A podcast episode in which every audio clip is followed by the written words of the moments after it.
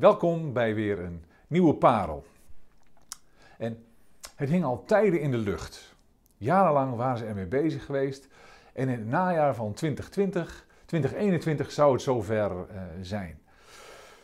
Via de e-mail kreeg ik regelmatig updates over uh, hoe ver ze al gevorderd waren. Maar op 13 oktober was het inderdaad zover. De nieuwe Bijbelvertaling, de NBV 21, die was uitgekomen.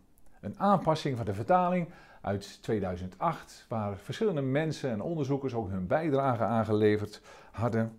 En hoewel ik al een heleboel versies van de Bijbel heb, een heleboel verschillende vertalingen, eh, wilde ik deze nieuwe NBV ook graag eh, hebben. Want ja, eigenlijk mijn eh, eigen Bijbel was ook een beetje aan vervanging toe.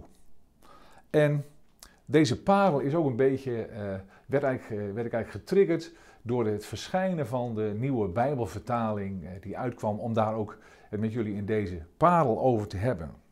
Want ik ben blij met ook mijn nieuwe uitgave, de NBV 21. Want de Bijbel is voor mij de bron van mijn bestaan. De weg waarop ik eh, Gods hart leer kennen. En de Bijbel geeft mij richting en zekerheid. En in deze parel wil ik met jullie dieper ingaan op het grote geschenk van God, wat Hij aan ons gegeven heeft. De Bijbel, het woord van God. En je kunt het eigenlijk vergelijken met het volgende verhaal. Twee kinderen vonden een puzzel, maar ze hadden het voorbeeld niet direct uh, erbij. Dus ze begonnen stukje voor stukje aan te leggen van de uh, puzzel. En langzaam, langzamerhand, stukje voor stukje, werd het plaatje, werd het beeld van de puzzel steeds duidelijker. En opeens zegt een van de kinderen: Hé, hey, er zit een man in. En dat kun je ook eigenlijk vergelijken met de Bijbel. Naarmate je de Bijbel meer en beter leert kennen, leer je steeds meer ontdekken dat er een man in is. Dat de Heer Jezus zichtbaar wordt in allerlei uh, gedeeltes van Gods Woord. Dat vergt tijd, dat is niet altijd meteen duidelijk, dat kost soms jaren. Soms heb je anderen die je helpen, die je uitleggen en je leren begrijpen. Maar de Bijbel is het boek waarin God zijn hart met ons wil delen. En in het bijzonder over zijn zoon, de Heer Jezus.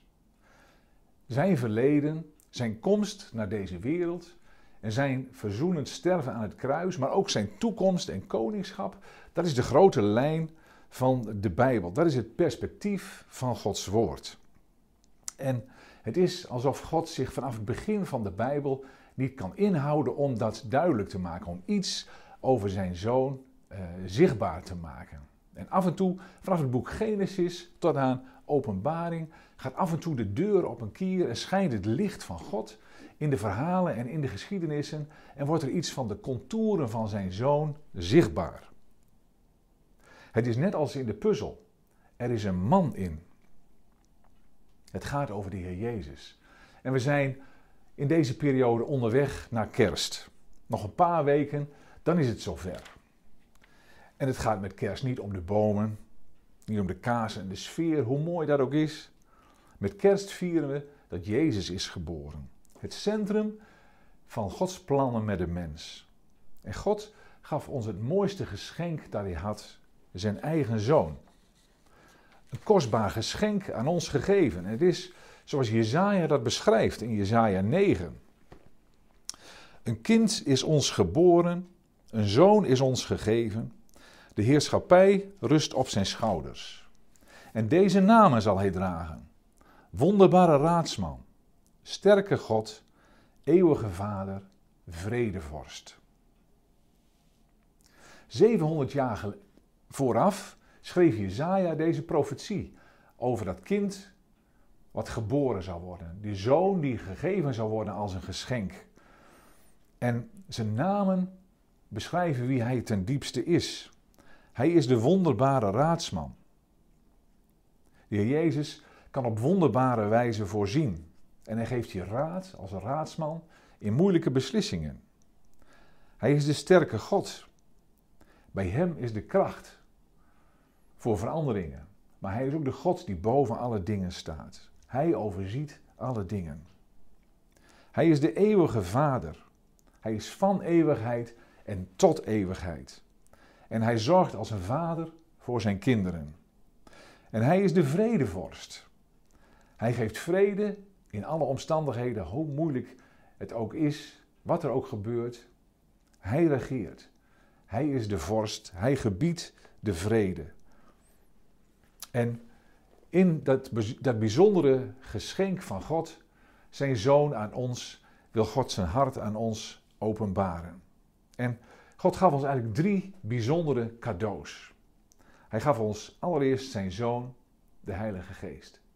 Hij gaf ons allereerst zijn zoon, daarna de Heilige Geest en daarna ook zijn woord. Met als doel om God beter te leren kennen. Maar misschien zeg je wel, ja, ik ben nog niet zo vertrouwd met het woord van God. Ik vind het lastig. Ik vind het al lastig genoeg om de woorden van Jezus toe te passen op mijn leven. Ik ben nog maar net tot geloof gekomen en ik ken de Bijbel nog niet zo. De brieven van Paulus vind ik toch wel heel erg lastig. Ik kom daardoor eigenlijk niet eens zo aan die verdieping toe. Hoe krijg ik zicht op al die lagen die er in de Bijbel zijn? En bij de verwerkingsvragen van deze parel vind je ook een aantal eh, mogelijkheden die je kunnen helpen. Een leesplan en een link naar een cursus die je helpen om meer van het kerstverhaal te begrijpen. En onderweg naar kerst kan het je helpen om te onderzoeken hoe God in zijn woord zijn zoon aankondigt. Niet alleen in het Nieuwe Testament, maar ook in de verhalen van het Oude Testament. Als je denkt bijvoorbeeld aan het boek Genesis, dan wordt in dat boek een groot gedeelte beschreven over de zoon van de vader, over Jozef, de zoon die de vader lief had.